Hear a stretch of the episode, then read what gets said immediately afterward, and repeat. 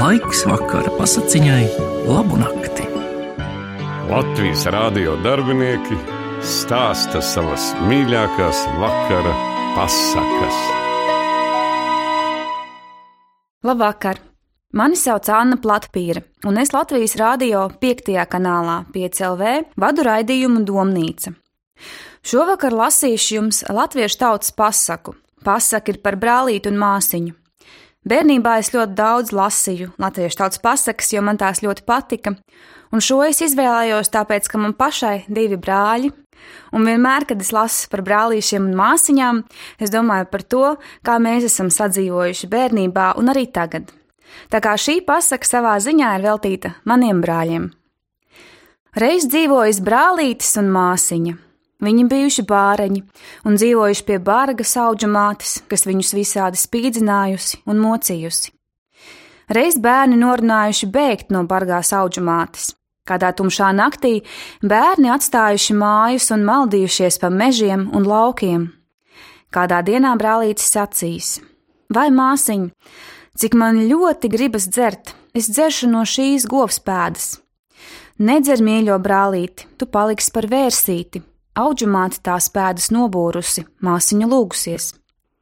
Brālītis paklausījis māsiņu un abi gājuši tālāk, bet bērnus mocījis izsalkums un slāpes. Ceļa malā bijušas iemītas zirga pēdiņas, kurās bija sakrājies ūdens.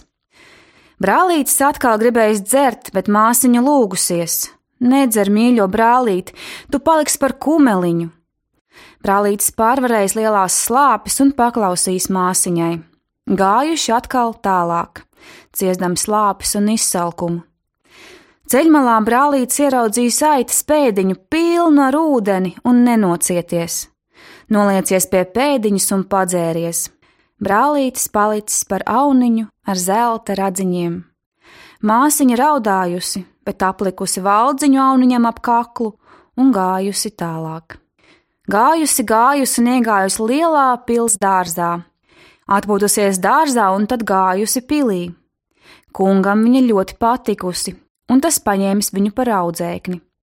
Kungs sūtīs viņu augstās skolās, lai viņa izglītojas. Kad māsiņa bijusi jau liela, kungs viņu aprecējis. Abi dzīvojuši no laimīgi, bet vecajai auģumātei tas nav paticis. Viņa gribējusi viņu laimi izputināt. Kungs aizbraucis uz ārzemēm, tad laikā jaunajai sievai piedzimis puisītis, un viņa gulējusi ļoti slima. Kādā dienā atnākusi auģumāte un solījusies viņu izārstēt. Vecene izkurinājusi pirti un aizdusi jauno sievu pērties. No pirts ārā nākot, vecene uzsviedusi viņai virsū lūša ādiņu teikdama: Tev jāpaliek par lūsiņu un jāskrien viss mūžs pa mežu. Jaunā sieva palikusi par lūsiņu un aizskrējusi. Vecina atvedusi savu meitu un ieguldījusi jaunās sievas gultā. Pārnācis mājās kungs un gribēja sievu apsveikt, bet vecene nelaidusi klāt. Ko nu kungs viņu traucēsiet, viņa ļoti slima. Kungs netraucējis arī, bet brīnījies un bēdājies, mazais brēcis vienā brēkšanā. Tad reiz auniņš sacīs sulainim: Uzsien to bērniņu man uz radziņiem, es viņu panēsāšu. Sulainis uzsējis un nauniņš aizskrējis mežmalā, sakūris uguni un saucis. Lūsiņ, lūsiņ, tavs bērniņš gauži raud, tavs vīriņš grūti pūš. Atskrējusi lūsiņa, nobrdusies līdz pusē rasā, nometusi lūša kazociņu un sulainis redzējis viņā bērniņa māti. Viņa pabarojusi bērniņu un teikusi: Rītu, brālīt, sauc stiprāk, es būšu tālāk aizskrējusi. Viņa uzsējusi bērniņu jauniņam uz radziņiem, uzmetusi sev lūšādiņu, palikusi par lūsiņu un ieskrējusi mežā. Auniņš pārnesis bērniņu mājās. Todien bērns visu dienu gulējis mierīgs, bet vakarā atkal brēcis vienā brēkšanā. Auniņš prasījis atkal sulainim, lai uzsien viņam bērniņu uz radziņiem. Sulainis uzsējis un pats steidzies uz mežmalu. Auniņš atkal iekūris uguni un saucis lūsiņu.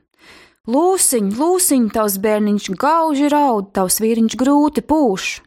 Atskrējusi lūsiņa, nobrdusies rasā, nometusi kažociņu un teikusi: Rīt, brālīt, man būs pēdējais vakars, tad es vairs neatnākšu.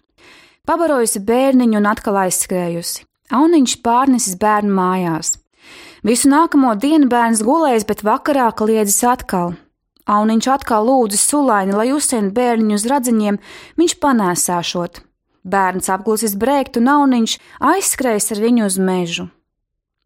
Bet šoreiz sulainis pasaucis kungu un vedis viņu rādīt, kur atrodas viņa sieva. Abi aizgājuši mežmalā, un kungs dzirdējis, kā auniņš sauc lūsiņu. Viņa atskrējusi nokususi un nobridusies rasā. Kad tā nometusi lūžu kažociņu, kungs ieraudzījis savu sievu. Viņš saķēris sievu un turējis aiz pleciem. Sieva palikusi par visādiem briesmīgiem zvēriem, bet viņš tomēr nelaidis to vaļā. Beigās viņa palikusi par sausu zaru. Kungs pārlauzis zaru un pārsveic pār plecu. Atgriezies atpakaļ, tas aiz muguras ieraudzījis savu sievu. Laimīgi visi gājuši mājās, kungs līdz sabas raganas nomaitāt, līdz ar vecās raganas nāvi zudusi burvību un auniņš palicis par cilvēku. Tagad visi svinējuši lielas dzīves un priecājušies. Visi kopā dzīvojuši laimīgi.